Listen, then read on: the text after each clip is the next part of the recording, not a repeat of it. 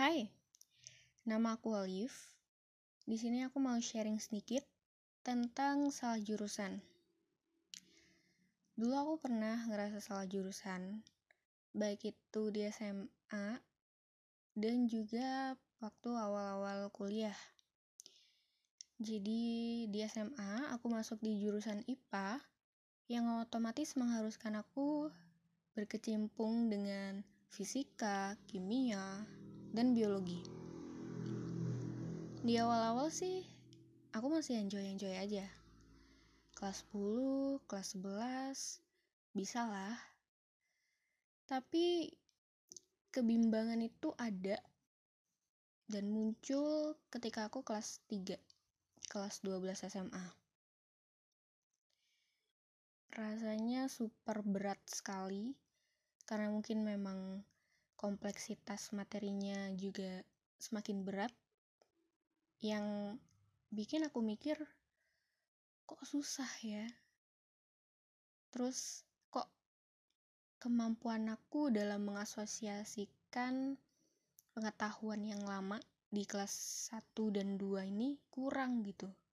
Karena untuk bridgingnya atau menjembatani materi di kelas 3 ini adalah melalui materi-materi yang udah aku dapatkan di kelas 1 dan 2.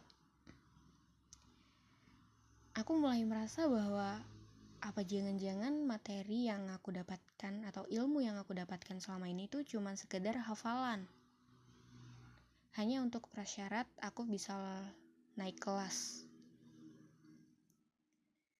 Akhirnya pada saat itu aku juga kebetulan ingin masuk ke jurusan soshum. Sehingga bikin aku semakin kuat berpikir bahwa oke okay, aku memang salah jurusan. Harusnya dari awal aku udah milih untuk ke IPS atau bahasa. Singkat cerita aku masih bisa survive di SMA masuk ke perkuliahan aku keterima di jalur SNMPTN yang dalam tanda kutip tanpa tes hanya melalui nilai raport. Aku masuk alhamdulillah diterima di jurusan pendidikan teknologi informasi atau lebih tepatnya ini program studi ya cuman orang-orang mungkin lebih familiarnya jurusan. Jurusannya lebih tepatnya tuh sistem informasi di Fakultas Ilmu Komputer. Nah masalahnya di sini. Aku nggak punya basic apa-apa tentang komputer. Aku hanya menguasai IT sebatas Microsoft Word, Microsoft Excel, itu pun dasar banget. Dan juga PowerPoint. Semuanya benar-benar dasar. Dan itu pun juga tidak mendukung banyak untuk masuk di jurusan ini gitu atau program studi ini. Karena lebih banyak di sini tuh untuk ngoding terus juga ilmu pendidikan ini lebih ke soshum kalau aku mikirnya ya. Jadi aku kurang ngerti deh kenapa bisa nyasar di jurusan ini? Akhirnya di semester awal baru dua bulan aku udah nangis sejadi-jadinya aku merasa salah jurusan dan aku bertekad untuk pindah jurusan. Pindah melalui SBMPTN tahun depan. Rencananya sih gitu. Akan tetapi Tuhan berkata lain akhirnya aku ketemu sama teman-teman yang sefrekuensi yang akhirnya bisa bikin aku nyaman gitu di sini. Seberat apa pun mata kuliahnya, karena aku masih semester 4, mungkin masih belum kerasa gonjang-ganjingnya. Aku masih bisa survive. Walaupun tetap sambat, tetap jalan. Tapi setidaknya aku patut mengapresiasi usahaku selama ini. Nah, kamu, kalau kamu juga merasa salah jurusan, kamu ingat-ingat lagi deh. Usaha kamu selama ini, sejauh ini, itu sudah banyak pengorbanan kamu, kerja keras kamu. Pasti perlu gitu untuk kamu apresiasi. Jadi, ini saatnya kamu berterima kasih kepada diri kamu sendiri bahwa terima kasih karena sudah kuat menjadi penopang diri sendiri. Terima kasih karena sudah kuat dan tidak menyerah, bahkan pada saat masa-masa sulit.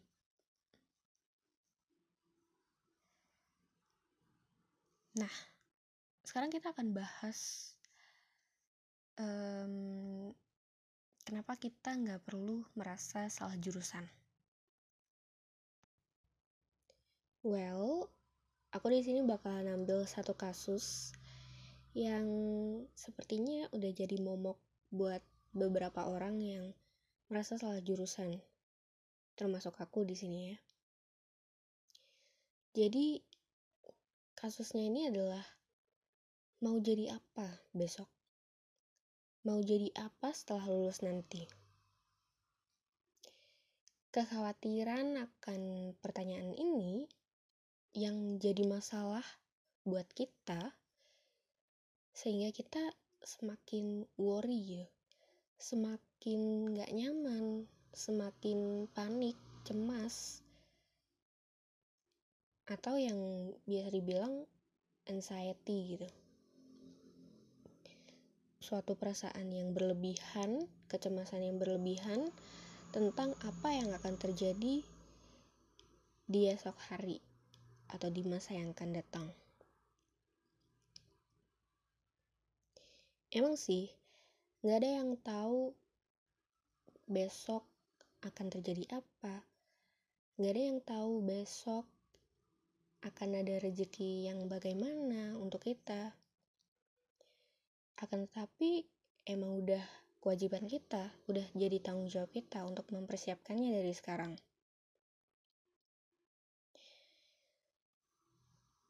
Ada hubungannya sama salah jurusan, kenapa kita nggak perlu merasa salah jurusan seperti pertanyaan aku tadi? Yang pertama karena Di sini, aku ambil dari konsep effective altruism, itu merupakan website .org yang terpercaya nih, bahwa di sini kalau ada orang yang worry mau jadi apa dia besok, mau jadi apa dia kelak, dan tidak memiliki kepastian mengenai pekerjaannya in the future, maka dia harus banget mempersiapkan career capital. Nah, apa sih career capital ini? Career capital itu adalah modal karir yang mana di sini itu terdiri dari keterampilan, koneksi, dan kredit kredensial yang memungkinkan seseorang itu memiliki dampak dalam apa yang mereka kerjakan. Jadi semakin kamu ngerasa gak yakin sama pekerjaan apa kita besok kita dapat kerja apa besok maka ada baiknya, alangkah baiknya kita memperluas atau memperbagus modal karir kita atau karir kapital. Pertama dari keterampilan. Di jurusan yang kamu anggap salah itu, kita harus cari keterampilan yang bisa menambah karir kapital kita, modal karir. Misalnya aku di sini masuk ke jurusan pendidikan teknologi informasi. Aku bisa dapat nih keterampilan untuk public speaking karena di sini harapannya kita akan menjadi seorang guru, tenaga pendidik, dosen, guru atau apalah itu ya.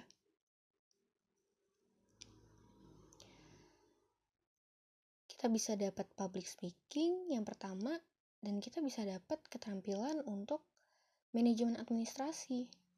Karena emang bener-bener aku baru tahu juga administrasi untuk pendidikan seorang guru itu ribetnya minta ampun. Mulai dari tujuan pembelajaran evaluasi pembelajaran pengukurannya pun juga nggak salah-salan harus relevan jadi, itulah yang mengasah kita untuk memperbagus karir kapital kita. Nah, setiap jurusan pasti beda nih. Kalau misalnya kamu masuk di jurusan matematika mungkin atau akuntansi, ya udah, cari positifnya aja. Kalian bisa ambil karir kapital untuk hitung-hitungan atau bisnisnya. Oke, okay, dari jurusan itu kita bisa belajar atau menggali informasi lebih dalam lagi mengenai bisnis. Sehingga waktu besok-besok kali aja kita bisa menggunakan ilmu bisnis kita untuk pekerjaan yang lain nggak harus linear dengan jurusan di kita waktu di perguruan tinggi. Lalu yang kedua itu koneksi. Nah, nggak mungkin kan kita sekarang ini yang lagi kuliah atau lagi sekolah nggak punya yang namanya koneksi. Di konsep karir kapital ini, walaupun kita merasa uncertain atau nggak pasti sama pekerjaan kita di kemudian hari, kita tetap harus memperkuat koneksi sama siapa pun itu.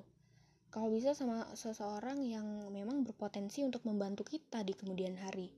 Kayak misalnya teman-teman kita yang pinter, teman-teman kita yang ekstrovert, tapi ekstrovertnya ini punya relasi ke mana-mana. Lalu juga koneksi ke dosen atau ke guru yang baik gitu.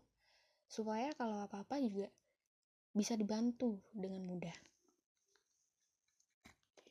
Karena kita nggak pernah tahu selanjutnya atau di kemudian di kemudian hari siapa yang akan bantu kita. Bisa aja teman dekat kita atau bisa aja orang yang gak kita duga gitu jadi akan sangat penting karir kapital ini kaitannya dengan koneksi. Lalu yang terakhir adalah kredensial. Kredensial ini adalah bagaimana kamu diakui untuk bisa dibilang profesional atau ahli di bidang itu. Kayak misalnya nih, walaupun kamu atau aku contohnya sekarang di pendidikan teknologi informasi, nggak menutup kemungkinan aku punya passion di bidang yang lain. Maka aku harus cari kredensial di passion aku itu. Baik itu desain mungkin. Kalau misalnya memang aku passionnya di desain maka aku harus menggali lebih lagi untuk bisa dikatakan ahli atau bisa dikatakan jago di bidang desain. Supaya nantinya desain ini itu menjadi karir kapital aku. Supaya di kemudian hari waktu aku lulus aku ditanyai apa? Kamu bisanya apa? Ya aku bisa desain. Public speaking aku bagus. Oke. Okay. kalau gitu kamu jadi marketing di bidang desain misalnya. Gitu. Itulah pentingnya karir kapital sekalipun kamu rasa salah jurusan. Karena emang salah jurusan ini berhubungan banget gitu sama psikologi kita. Kalau misalnya kita merasa salah jurusan otomatis bakalan gak nyaman sama apa yang kita kerjakan. Dan itu masuk ke pilihan kita. Di bukunya, Mark Manson pernah bilang bahwa segala pilihan yang kita ambil itu baik buruknya tergantung dari bagaimana kita menaksirkan sesuatu itu.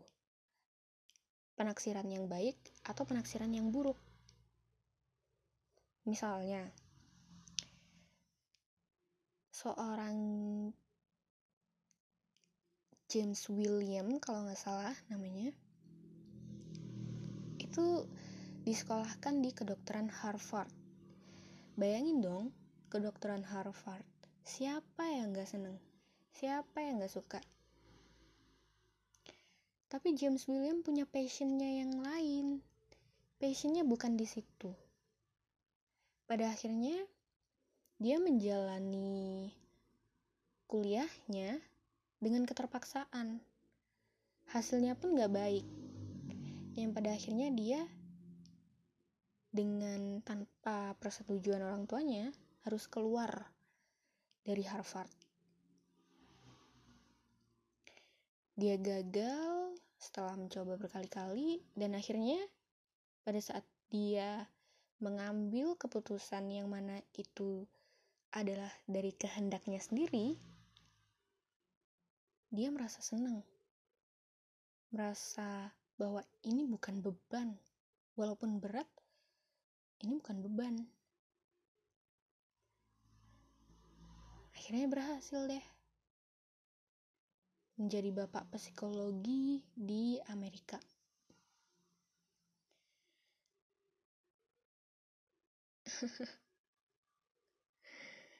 Intinya,